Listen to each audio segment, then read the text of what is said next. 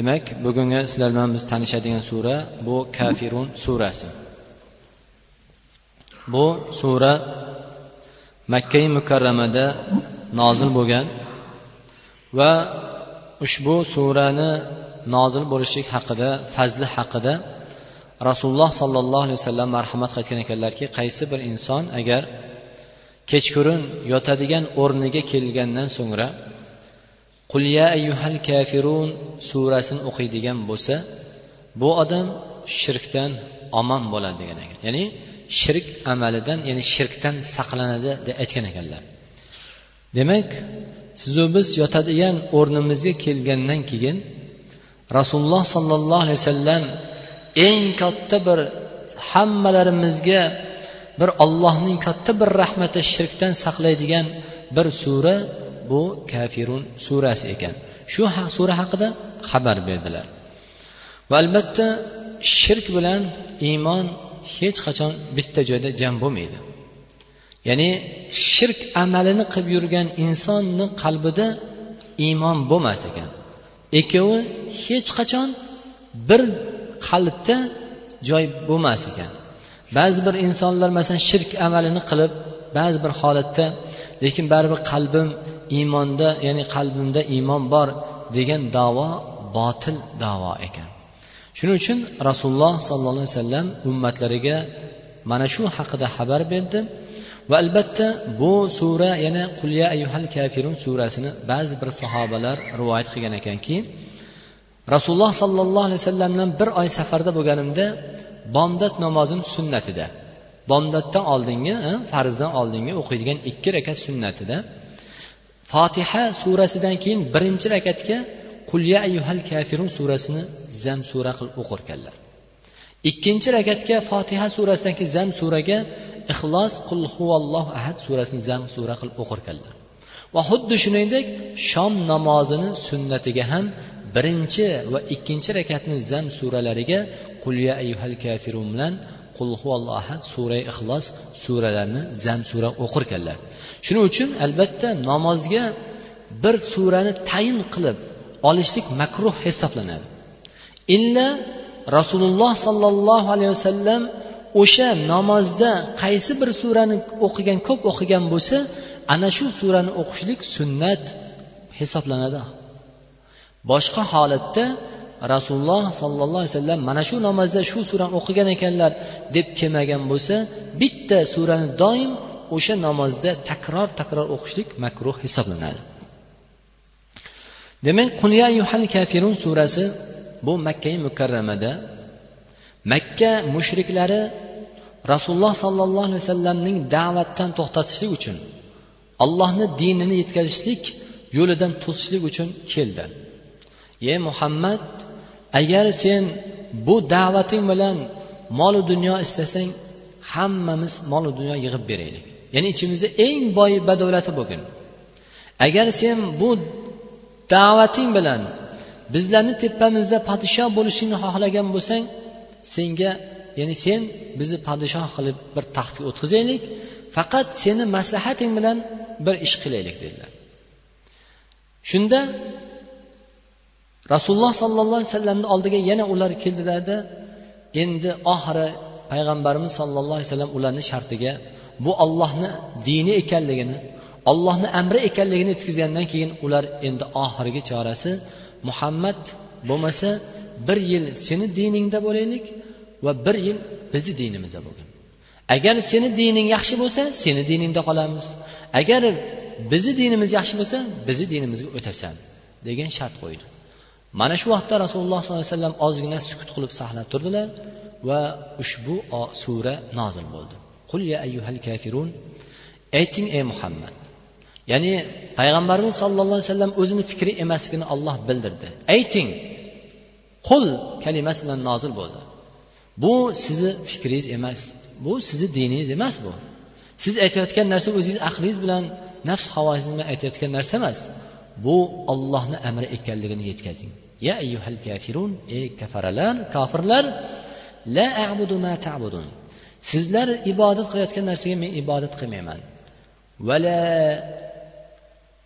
vala antum vala ana abidu vala antum abiduna ma a'bud men ibodat qilayotgan dinga sizlar ham ibodat qilmaysizlar ولا أنا عابد ما عبدتم ولا أنتم عابدون ما أعبد.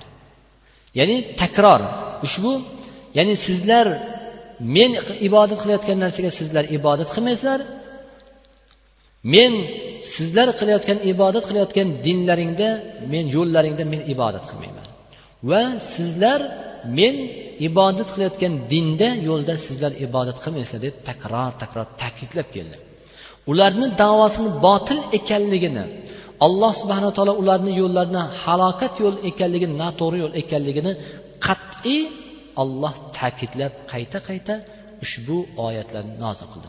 Lakum dinukum valiyadin sizlar o'zlaringni dinlaringda modomiki kufr yo'lida yuradigan bo'lsalaring men o'zimda haq dinim yo'lida yuraman deb rasululloh alayhi vasallam ushbu qat'iy alloh subhana taoloni tushirgan oyatini surasini o'qib berdi.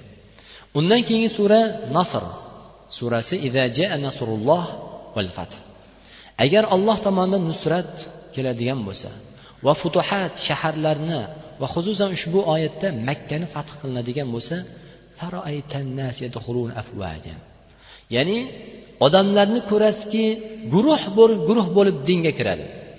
Olloh tomonidan nusrat sizlarga berilganda endi olloh sizlarga makkani fath qilinganda musulmonlarni qo'liga o'tganda odamlarni guruh guruh bo'lganini dinga kirganini ko'rasiz.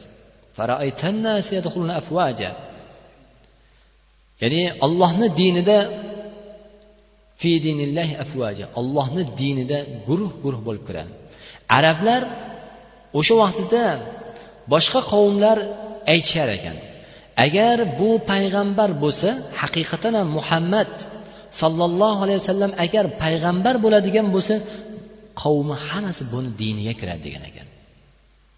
To ollohni amrini qarang. Musulmonlar o'n uch yil makkada da'vat qildi. sakkizinchi hijriy sanada makka fath bo'ldi. O'rtada qancha? yigirma bir yil. Ollohning nusrati ollohning fathi yigirma bir yilda musulmonlar davo qildi. Ya'ni ular duolari rasul allohning nusrati haq ekanligini dini haq ekanligini olloh ularga izzatni quvvatni haq yo'lda ekanligini ko'rsatdi. Yigirma bir yilda. Sizu biz bir kun namoz o'qiydigan bo'lsak ishim yurishmayapti palonchi namoz o'qigin dedi palonchi undoq qilgin dedi baribir o'xshamayapti. Undoq edi bundoq deymiz vaholanki olloh imtihoni ekan. Mana shu vaqtda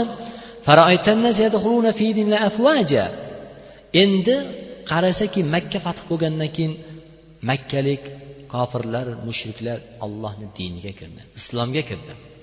Endi to'qqizinchi yili guruh guruh bo'lib yamandan iroqdan shomdan butun atrofdan ya'ni islomni qabul qilib islom diniga ya'ni rasululloh sollallohu alayhi vasallamni oldiga bayat qilgani keldilar. Va alloh subhana fasabbih bihamdi robbik vastag'fir. Ya'ni alloh subhana taolo endi olloh robbingizga tasbeh ayting innahu kana tawwaba. Albatta olloh tavbani qabul qiluvchi zot qabul qilguvchi zot. Ba'zi ulamolar aytgan ekanlarki ushbu surani tafsirida bu rasululloh sollallohu alayhi vasallamni ajali haqida xabar kelingan oyat xabar qilingan. Nasrulloh val fath. Ya'ni vaqtiki sizni ajalingiz kelgan yaqinlashganda ya'ni sizni ajalini rasululloh sallallohu alayhi vasallam aytgan ekanlarki menga ya'ni o'limim haqida xabar berildi. Ushbu sura nozil bo'lganda.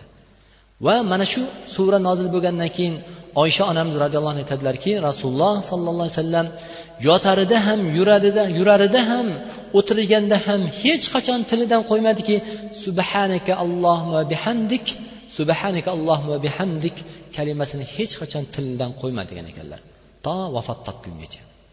Shuning uchun alloh fastag'fir vaqtiki hammalarimiz birodarlar sizu bizni ajalimiz mana vaqtda o'lasan mana vaqtda hech kim qo'limizga bir qog'oz bermadi.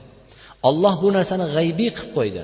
Shuning uchun sizu biz istig'forni allohga tavbani ko'paytirishimiz kerak ekan. Alloh subhanaa taolo hammalarni demak o'ziga istig'for tavba aytishlikka alloh muvaffaq qilsin va sallallohu ala sayyidina nabiyina muhammad va ala alihi vasabi ajmain allohumma inna nas'aluka al huda va tuqa val afaf val ghina rahmatika ya rahman rohimin